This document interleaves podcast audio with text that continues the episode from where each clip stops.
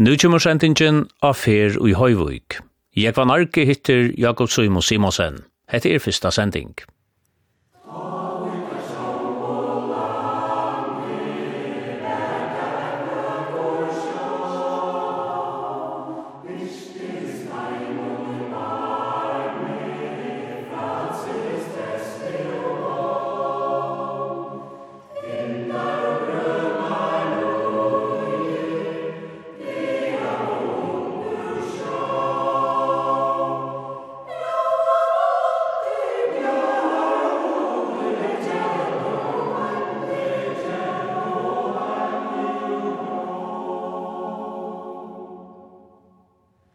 ta i to vart uh, smadronger, ta var Høylvik en lydelbygd, men i det er han i fer vi at uh, kjeras tre største bojer i fyrjun.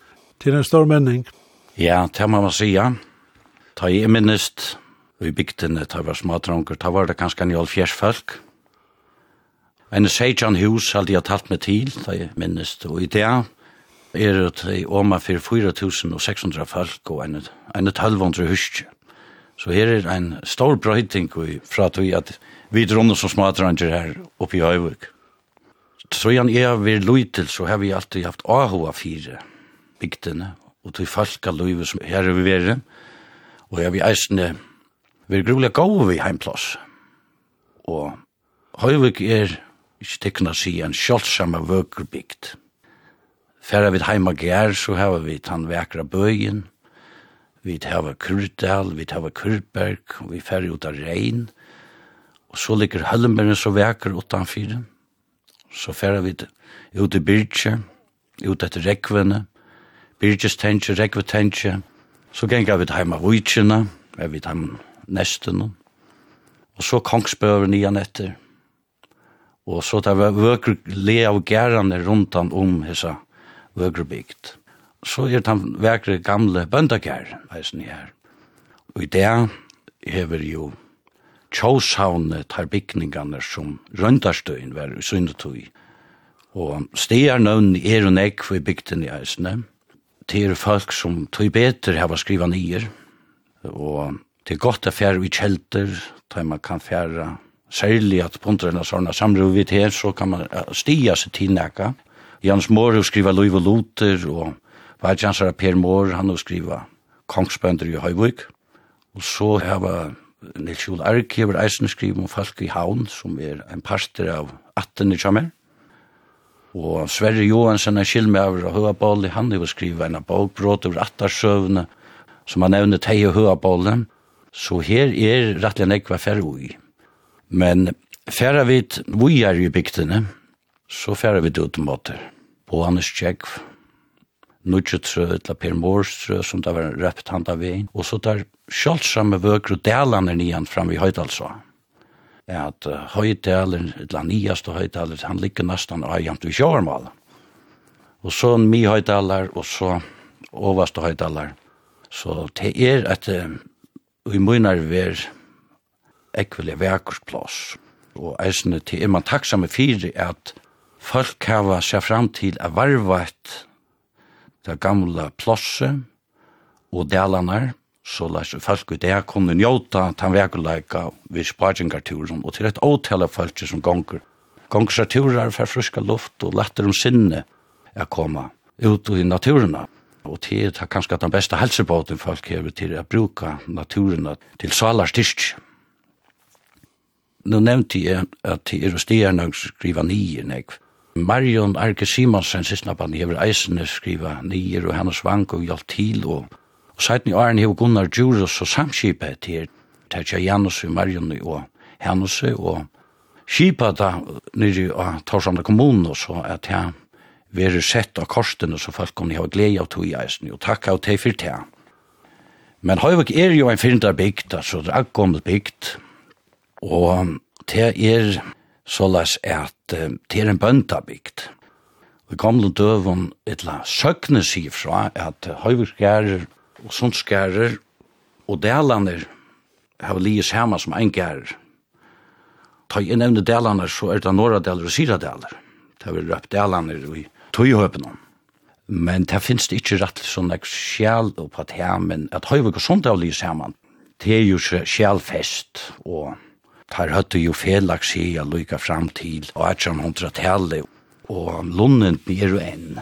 Det vil si at det er ofta såleis at ta ui sommarholvar i er, så ganger høyveseir er sinter nian, og ta vetrar hegin er så ganger sundseir om man i høyveseir.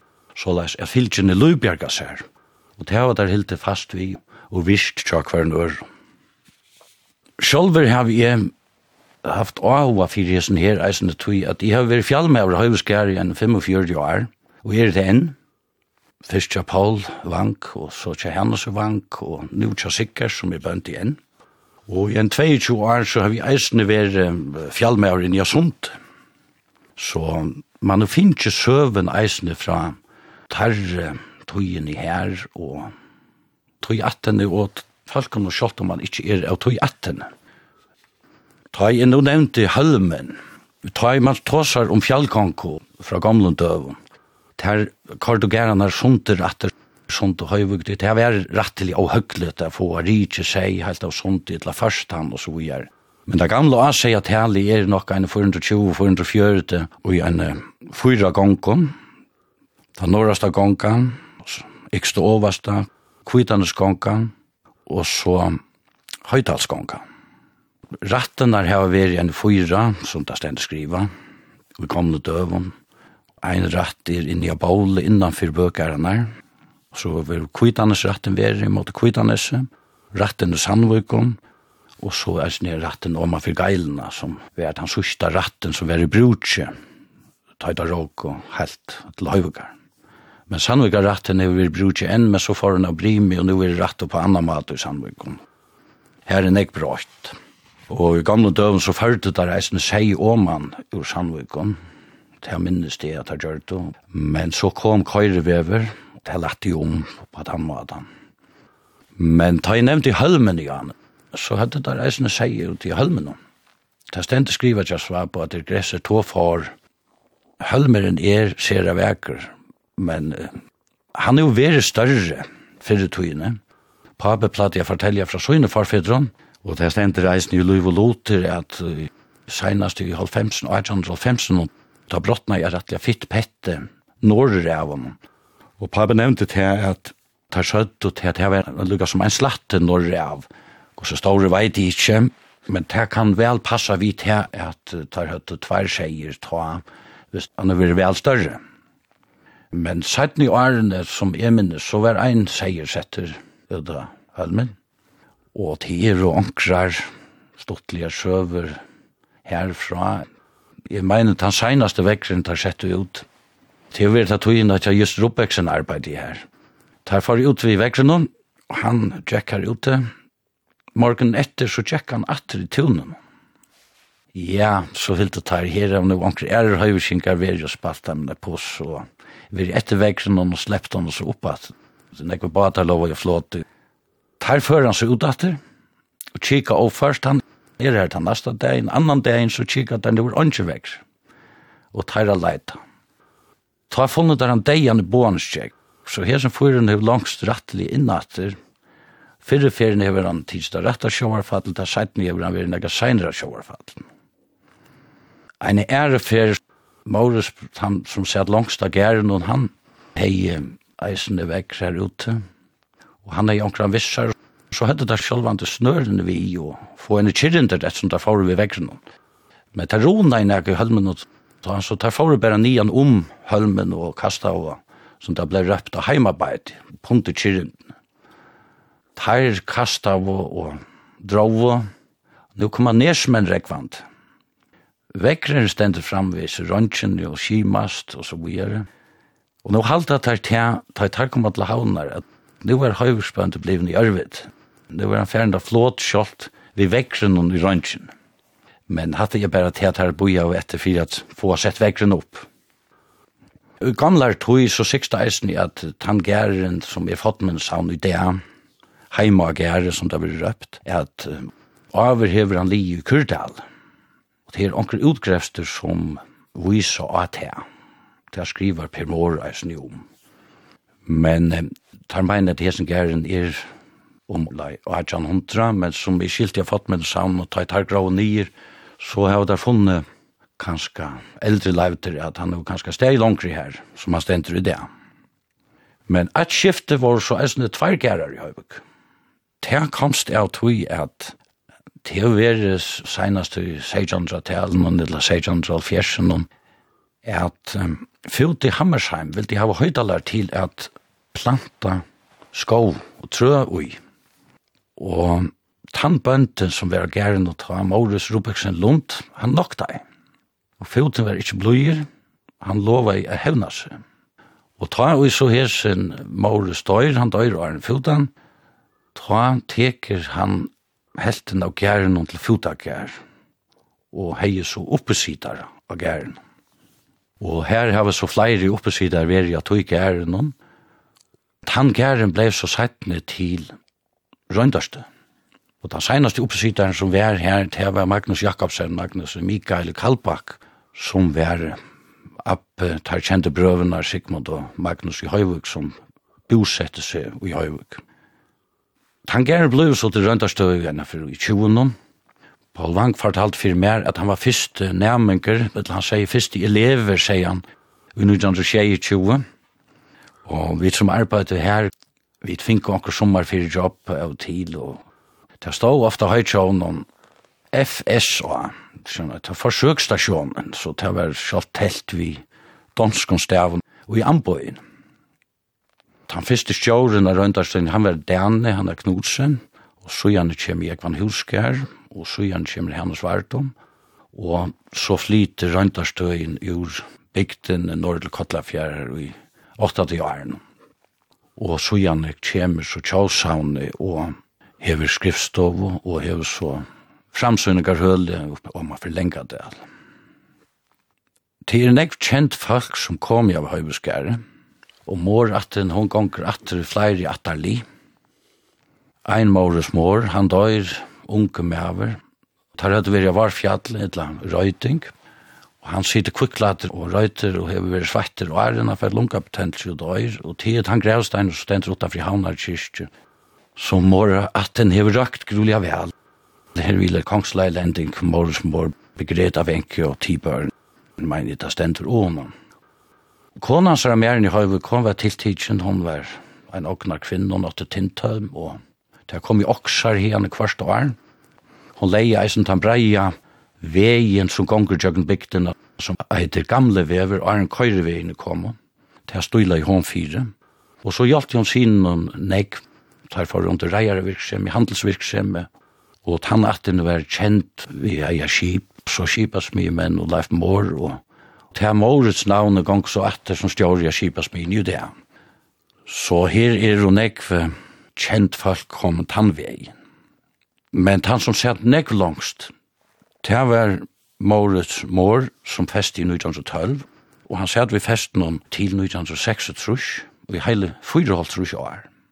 Og minnes papen meg platt jeg forteller at det var en stor varsla. Det kom i alla stedene i fargen, ta han helt denne varsli av gæren, og ta han er sitt i halvt trus år. Så det kom begge politikar, prestar, at feira til løten. Paul Wank og Sølgården Kalpak fester Høyberskjær i 1906 trus. De flyttet nok om han til Høyberskjær i 5 trus. Han var siste sånne måles. Men nå trønges rundt han om, og hennes sånne Paul velter Nudjambø oppi av vatnaskøren, og gæren flyter nian her til som er høyveskærer i det, i 1906 Hennes ble det fortelle for meg, det var ikke å holde seg Han sa bare utrødderhøtlene og ene tveihus. Og ta var han store utstikkingen ikke kommet, som kom og holdt seg og alle min rundt om. Så det er nek brått eisen fra til handlutten i han her. Og i år 2000 så feste sikkert, og han sitte så av festen om, og sikkert er så siste sånne henne. Så hentan atten er sitte framvis av gæren og teir attkær folk. Kvann og Josh Aftan, det vil hilden en hona løta i rakstovne, heimagære, og det var nega som hennos og der gamle morrarner byrja av oppa, og her var heller hildnar, og akkurat at vi, og de inkro hava tidsi vel vi hesson er varveit at tansien som er veri. Sjálf han var det tvær stetsjer i korona, men vi har vært atter, og sjálf er vi på en vis, og til mye hun alt. Og Pedro Liv var i høyvik høyre og rona vi kvart år til løtene som jeg sier, ikke sånn at det er kjelter og så videre, og når jeg går fra, så folk har eisene vært i familiene, så er at det er alltid stått litt av sitte under. Sikker til dem, så soler hun faster, at han eldste nå, så minnes skrulig vel, og då var vel å fortelle og greie fra. Så det er stått litt at høyre til. Her som to bort i Høyvøk, det har vært nevnt utenfor gærer. Ja. Hva er det til? Ja, Mine forsfredras bosettast åttan fyrir gærar. Gamle Søymen, eller Søymen Triar med her, Simon Johansen, han var utan ur Gjerja Gliverom. Papi hans er Jekvan Petersen var bøndasåner ur Heimestå. Mamma Malena, hun var av Stronto. Hesen Søymen, han er huskatler i Kalbakk, i Sølgøren, i en 15 år. Og han er eisen i Asunte. Han kjelta i bønene Asunte, et Søymen er kjelta etter honom og han må ha vært donalig med over, tog han var i byen av Peter Mohr bønt i Høyvika koma til Høyvika. at lea seia høvar gærar og gråd rundt alla bygden. Tog åren høttet der haft bæka i gærar, til å si at der akta vi hunde, og hundene råkes og tann seien som kom inn utomater. Men nå skulle det være høyer, og at det fire så skulle han slippe at seta seg nyer og velta så negv som han orskar. Han tog av, og til han blei bosettingsen utanfyr gærar. Og tog blei det nevnt utanfyr gærar, tog bosettingsen er jo utanfyr tar gamle bøkarene og i tar gamle bøndabygden. Han var rettelig ui en velta, og søknen er eisen i at han stod og velte ved lyselampe og saksa hjem, og onker var kommet fram vi, to ert raskre svimna få etter her, to forstora glede av det. Han sverre i atter at um, han råkna ikke vi at han fikk glede av det, men han sa det etterkommer for å få glede av det. Hesen svimmer var tvær for gifter, den fyrre kona var Charlotte Amalia Reinerst ur Kalbakk, og til eisne søvan om at svimmen åtte jo han ikke. Han var jo en huskatler. Han heier jo tokka til hesa Charlotte, men han feg finn ikke korsta nei fra bøndan, tog at hver skulle han vi en bøndadøtt. Men nu har der vært lamp og hilde jól. Lampa menn har vært rattliga bløyer, hver der har bjóa, det her kunne vi så bare gita om, men bønden dette som tar der skulle fære atter i baten, han finner i middelen. Og vi er ytla holdt om komen, Sjømen er han som bjergar han opphatt. Han er ikke vite ta, og så tar han så kjem fyrir seg at, så spurte han hvor bjergar han var. Ja, det var søymen. Ta kalla han søymen til søyn. Tu skal få Charlotte. Tei fink oss fyra bøtten. Jeg kvann Angelika Cornelius og Maleno. Men henta Charlotte dør ung. Hun var best 32 som er sutt jo i sjølen om. Myndelagan er falt ikke ta. Hun var anløkt av myndelagan for han nye til Danmark og lærer til Gjerramor. Og ta hun kommer opp atter vi kipet, og tar er hun måte vi bate, ta er hun deia sjuk. Og Søymen og tar rekvana så inn av gamla spotal, og her døyr hun så en trutja det er setten. Og han sitter så etter vi noen småbøtten og i hese lytle treer småtten, men giftes opp etter. Ta giftes han vi Johanne Sofie Johansdatter utan ur fotna av Nese. Tei finko tvei bøtt, Charlotte, eller Lotta som han blei nevnt, og Johan. Og hese Johan, han var lenge av bemoen, og han ble så bosydande i Høyvøk som treer utråra med over, og han leier så eisen i Høydalstrønne inn om han er måter dølen.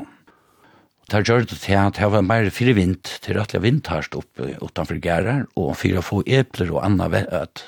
Så vi kom en vinter som der satt i om alle sykkelleite, så var alt eblaslokkar, alt færre. Så vi får der mer om åman etter her som vi er.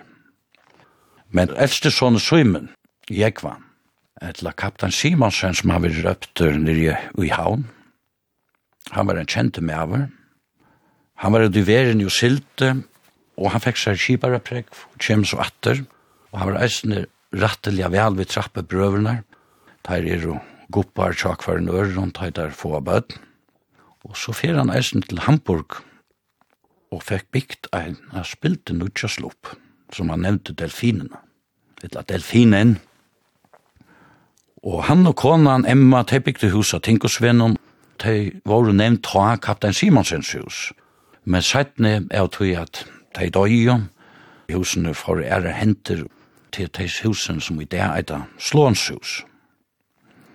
Han sendte så Søymon, sonen til seg inn og Høabål, til systeren av Malene som var gift inn etter han da vi. Og han skriver henne brevet til henne at om vi kommer fire mjatter så skal det løna der, kom jeg ikke fire mjatter så skal var herra løna der fire da. Hesen Søymen, han ble så nevnt til Søymen og Høabål, og han ble en kjenter vennløs medover her inne. Men ikke nok vi tog jeg vann, Hesen Strøymen, han kommer så etter til Høyvøkker. Og færser Johanna, som var Abba-syster. Og de var holdsystene Abba. Så her er vi vært en farstan atter og fram mittlen. Livrar Høyabal og høyvuk og, i flere atterli. Lotta og Angelika ter bosett hos eisene vid Tinkosvegen og, og i bolsjene folk i havn, Kjønne Kjul Erge, er det rettelig utgreina nian etne de husene som var en sere vøker bosetning nian etter, som her var kiloi, en veker orsdager framme fire, og så en gråker, og de husene til lotte for rundt bøtjer brekka med de angelika standa og de ikke glivrasnikkaren standa. Så her er nek at det er varva er dyrabart, eisne for bojarsøvna. Tog tar døy rettelig unger eisen trappebrøver, og ein døy og gjerra og døyra fire og jeg kvann døyr. Og hetta var pionerar og i føreskar fiskevinnesøv og som hette finnes her utbyggvinnsina og vilde våa neka men fotlo så fyrir til berklen som man sier som er smuttla andar stå til rovers sjúdje her utanfyr gjerrar heva så etterkomarar uleigast etterkomarar til Johan og Tei gamle Sethusen til Sømme trier mann de blev så nye tidsin ta ui Johan og soneren hans bytja i ånderhus og i 1903. De blev tidsen nye nøkker år settene, og i det heit av veri om etalja dyra barsta åtta enn sår treermannshus, men mer er fortalt i atten at de var så mykje valanlig og stante, og så var det eisene til moderne jeg var kommet til at kikvinn slapp ut tjallaren og kom til så fløva oppe etter i tjøkken husene, og i stedet for han stod ved søyen av som det gamle hus var innrettet. Men her er livet litt i Høyvøk, Sjalt om det er brin plåss og særlig landsen ikke, og det måtte alltid ansast etter bate. Her som gamle Søymen, han byrja i vi at fer og en oppåsøle kjeipa seg en jollo. Og det er fortalt i atten i at det var sånn ekvi fisker i fjøren om at Han gjørte seg nekrar onklar til og sett gjerne kalvaløyn i oman fra flesene. Og i atten jeg skriver at, at onker av hesen her, bøtnen og sånn var vi, at han drar flere kalvar inn i oss av jollene, bare vi som far i huken, så det hever vi rettelig fiske litt, og fjøreren, man sier jo om man nian, tar reker om man nian tjøkken fjøren, havna men sier nian av sånt, men vi sier innan sånt, og nian av kvittanes. Så det er emoner og det er fjøren kanskje som gjør det. At vi det var nesten bare Kalbergsfjøren for inn etter, ganger ut fra. At man ganger inn fram i fjøren om igjen. Ur havn måste fære sinter i modebrekken. Og til eisen i fjøren, han reker jo 8 og 4 til den eneste fjøren i fyrjen. Og, og til her oppe er det Vestfalskjøren som alltid røynas bedre. Det er fiskas bedre, da. Og Seierbergsplassen er en ekv. Kalvehellene, køytene, i Birgenon, og så ikke minst i Helmasundet. Og så er det til firma ved og ja, så er det kanskje stand i Lutlevøk, og Heljareia. Og så er Vesterarmier av Bøndasarjerberg. Så det er fiske litt rundt om. Men skal man fære Seierberg eller etter Seie og så videre, så er det fattlande vestfattelig alltid det beste, og det ser man dyrt. Og i bygdene, Nå narskast vi dokken halvarsøka, som er 15. mai. Det var en fest av. Ta kom tettmann i hølmen, skapte loivui, og ta kom størseiren av grinnenar. Ta i nevne grinnenar, tog det er tver stora grinner. Er høyvig vekkurst ein sølsins sted, så er det av metalja størpart høyvig suttja grinnenar kasta seg og ta i landeringsbrime og estanbrime er, og ta reker i attena. Og ta ser man tydelig at det er tvergrinner til det kasta seg av ham. Han over er nega større, det vil alltid være sagt mer så fra ham. Og til gå reffiska plåss, at kasta han i grinnene, men til kjøtta kom i båten, og til kjøtta missa en tegn, hvis det er. Som jeg sier, så er det ikke veldig fiskelig, og færre en kyrren til grinnene, det er nesten færre koka. Hver er grinnene mot Halmen? Ja, hon er sinter i en landsending ur Hølmen og ur Flesene synder ut. Her er grulig å gå refiska lei rundt han om, og eisen rundt han om Hølmen. Til jeg finner skå sjøl om attena, Etna Fossa og Hans Simonsen av Gjørstein Attartalva fra Søymen Trearmann fram til det ene det. Sjolver er i femta liv fra Søymene og Sætnergift vi Johanna. Tid hevasne andre stjernevn i Høyvøk, Røykheitjer er rett. Ja, det er gammalt glæingarstea. Her er en sera godt utsøyne da man fer en tur, at hitja og skoa om man iver, og man ser innan nes, og det var gled innan nes, og det var gled til nødsjer. Og det var sjálvan det gommel først båshending som eisen Robert Johansen skriver om, så hei man imisk tekin iver om det var grint, eller at det var neisinja rørende, land, annet, at det var atterkommen, og sett opp i nølse, eller akkurat som det kunne være, det gjør det der ofte hvis det var restanfire. Så ble sett opp, og onke tøy er onke bater eisen setter opp som er av vi inn etter Esterøytene av onkrar i Orsøk. Nere i Unterrøyk hetje, her er så Våasteiner og til Våasteiner vi ett. Johan i Høyvuk kjente skiparen, nevnte ein av sønne løgnebaten som var bygd av skipasmine Våastein. Han er i Høyvuk og Høyvugskink, Kørberg, Våastein. Og det var tøy at de tøyt og de hongt og vatmal og anna på i at tøva da, så det la skåla i brimen, så det som er fortalt at navnet kommer av tog. Her er en staurer og en til en innar jo ytter våsteiner, så det er det. Sjalt Kurberg, hva uh, brukte høvesingar det til? Ja, jeg har ikke nækka særlig søve om hva det har brukt til, men stærrar har hilt i øyla nek til her. Dikver, gosir, møynar tog. Hvis man ikke leier, ta man er kommet ut i augustmåna, ta i kveldene begynner at mistjasta sinter, ta i alle stæraflokkene koma luka ur plantasjen i havn. Øyelig stårer så flikva der tvørst om holsen, og man jøkken delene snæra så fer Kurberg. Hva det gjør her veit ikke ordentligt, men så kan det hente så kommer det hinveien atter. Men her er grulig lest, og her er nekket 89, og vi platt jeg genka under her, som smadranger, Men nu kan jag turisterna dra tråmen och till nekva river i här som ta kan fjärra som har stannat kvar i löt. Men det är inte så avhängig skällt. Ja, en gommel sagt sier til eina fyrir at ein høykona skulle færa skaivan ved vi en kneppi av hodsi og for det øvet han ved det av. Men jeg veit ikke, hon kom så sprellivand fra at det seist, om til en skrøna veit jeg ikke. Men norran fyrir Kurberg er så overstå knottlander, Her er så gammel søkn at en årståbater for på land. Men man er ikke tog som negra mannske her. For man sindi langer nyan så driftnes og eininganer. Det er sort plass som havna menn atla og eina for et rusk plass. Men tog betur var det ikke.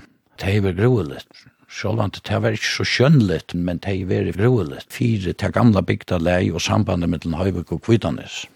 Og tar vi nå nevna Kvidanes, Så var det Kvidanes eisen bygd samme måned som jeg som så i min Trier med og Kjellmæren som er kjem til høyvukar. Og det er kanskje en sånn brøydingar tøy og skåp hun kommer på som og tøy og det er i pløyen sa tøy. Den unge bønden Høyvøkker var vi og hettlandsferien i pløyen, den som døy unger. Og der kom jeg at vi flere anboven som føringar fink og gagne av.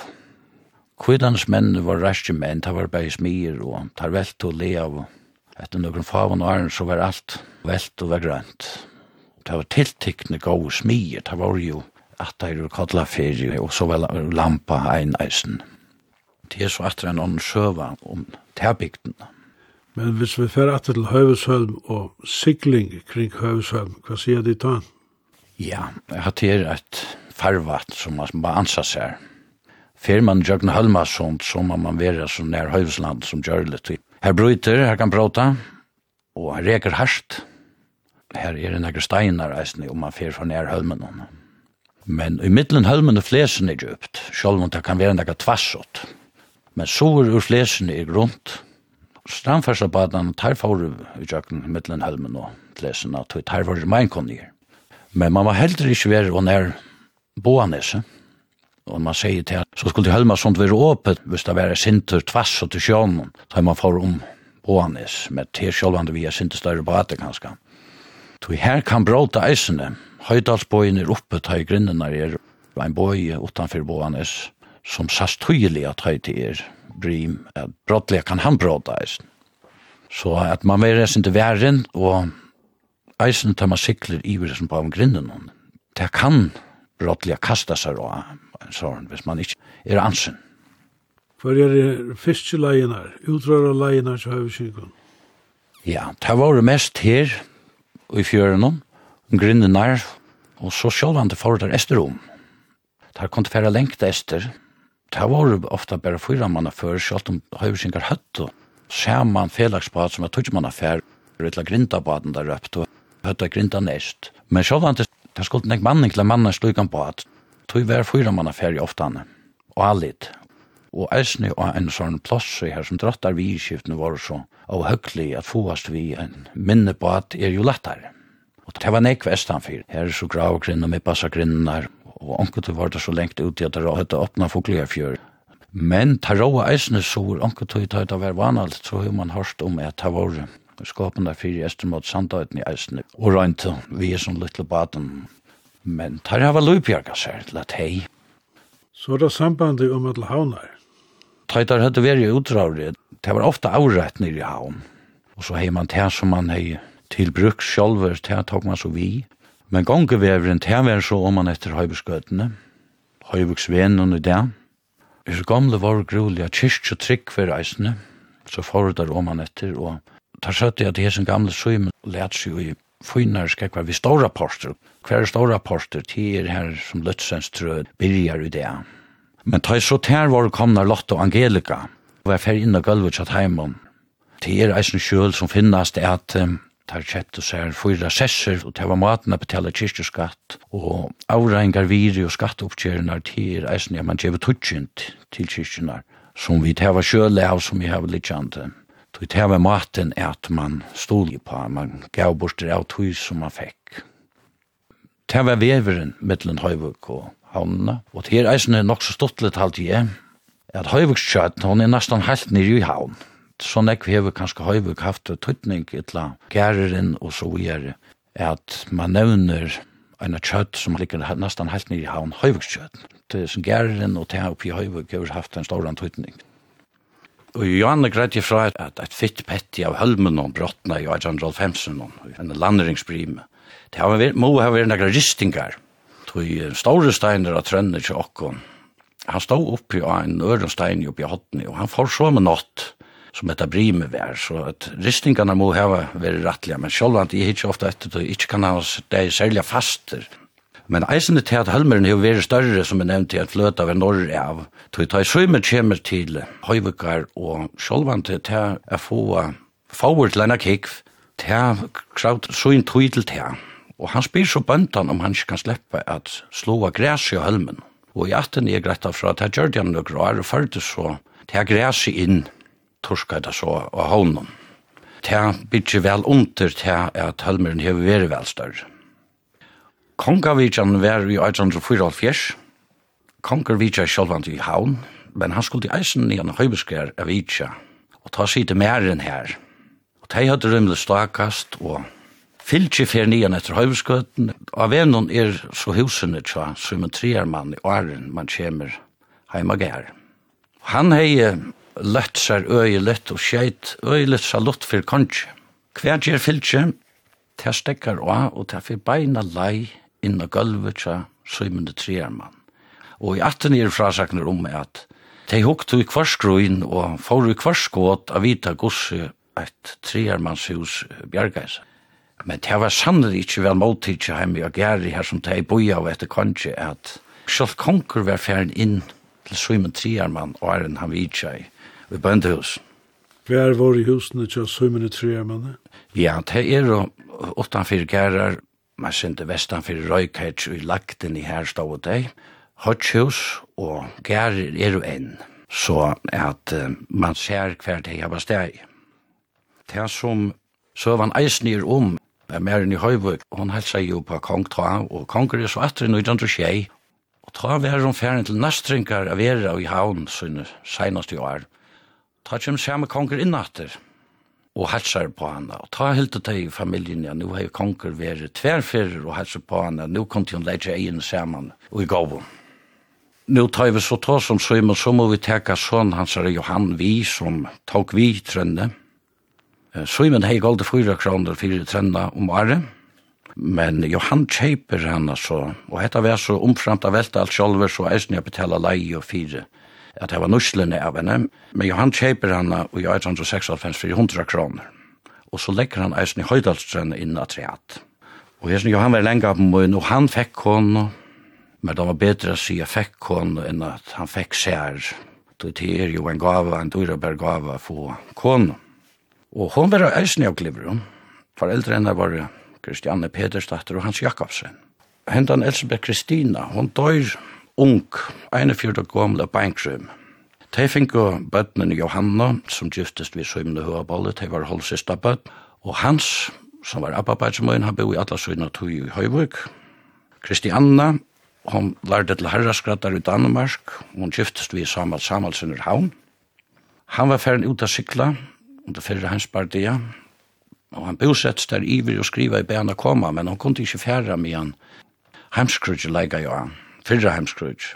Så får hun iver nøyjan nøyjan ensamhet, og hun heie så eina brauer dette vi som er at Elsa. Og attarstevn i 2009 som vi tøtte fyrir søymene, ta var flere attarfall komen ur Amerika og flere hava ferast. Kristianna var tvær for at det fargen, jeg mener hun var i 22, og så har hun ikke fortalt mer hun var i 28, tror jeg, eisene. Ta foran i henne hatt og røpte seneste fer farvel Høyvøk. Så nu at hun ser ikke atter. Men døtteren Ebba ferreist henne minnes det vel da hun kom. Søymen Abbe bo i alle sunna tog eisene, han bygde seg hus oppi av landet av Sometrø. Og, og i hese togene så er mer fortalt eisene til at de var jo ung, de mamma døy, og de var rettelig nekv heima og gære her som sjálvandi og Søymen og Abbe og Maurus var jo jangamler, så at her av de eisene finnes jo stovål. Søymen Abbe, han giftest vi Elisabeth Marie Nilsen ur Sandvik, undan Heinum. De giftest i 1916 i oktober måned, og de flotte inn i husene etter til at de var gift. Husene er bygd i 1915. De giftest i Sandvik av kyrkju, og det var så leis at hans abbabaji Simon tar høttu ein utrørbad, som tar råg i utvi som la fyrt heimen i havn. Laurusen Morstad stod i hei bygdan, og tar brukte han til sjålan til utrar men tar ført og eisne vører til handlanar i havn ut til bygdenar, så finke der inntuk av tog eisne. og på atren kallast Esper. Han sier så sist fire at tar broar per kom, at føra broar per nian til høyvekar vi hesen ut til deksbaten. Det var ikke noe kai, men det løtte et av helgareia, her var et skapelse av man kunne legge et, og det var et øyelig sjåta rui, men Så tjekk en løta, ta kom et tvær mann stående fra øvrigheten i havn, og tar høyde ho at djeva og bæge båt og alt, tog at det var ikke løyve til å sjåta, tog det var heimskrøyt. Så sier Maures som hittin åra av han vær, at han får neiva nekar til han på heimskrutsi om han skjeit nøkker skåt fyrir sånne gåa vimmanen og han steiv i broer i land i høyvuk. Så får det her om han atter og det spurt ikke mer bort i jord. Søymen og Elspeth Maria, de fikk oss så bøtnene Esbern, som er født i 1916, han giftes ved Petri Arkiv Havn, og de bygde her av Trønne. Han var kjent i bankaverene og var i iverholdt rusk og er i Førjabanka. Marianna var født i 1920, hun giftes ved Sofus Thomsen, de bo nekvar av skala, men hun døg i ungeist i 1923. Jenny, hun var født i 1922, hun giftes ved Eivind Fossa i Havn, De bygde først i Høyvug, bo de først i åren her av Trønne, men de bygde så settene nere i Efesers gød. Pape som het Aksel, han var fatter i 25, han giftet vi Karline ur Fundinje, og han kjøpte så husene tja Jenny og Eivind. Edith, hun var fatter i 26, han giftet vi Aksel Hansen, og i havn og til bosetst i Hodnabø. Og så er det Soleren, hun er fatter i 1931, hun giftet vi Nils Jakob Hågård ur Vajem, og de bygde her av Trønne, og solen bor her enn, og hon er den einaste av taimon som er etter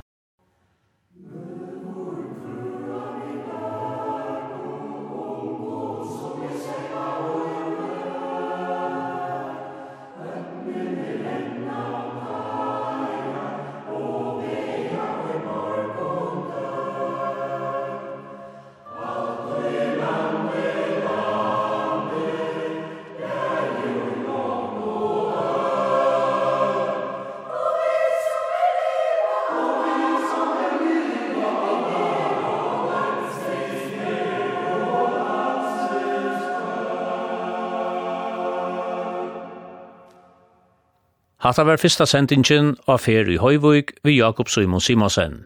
Jeg var narke leid til rattes.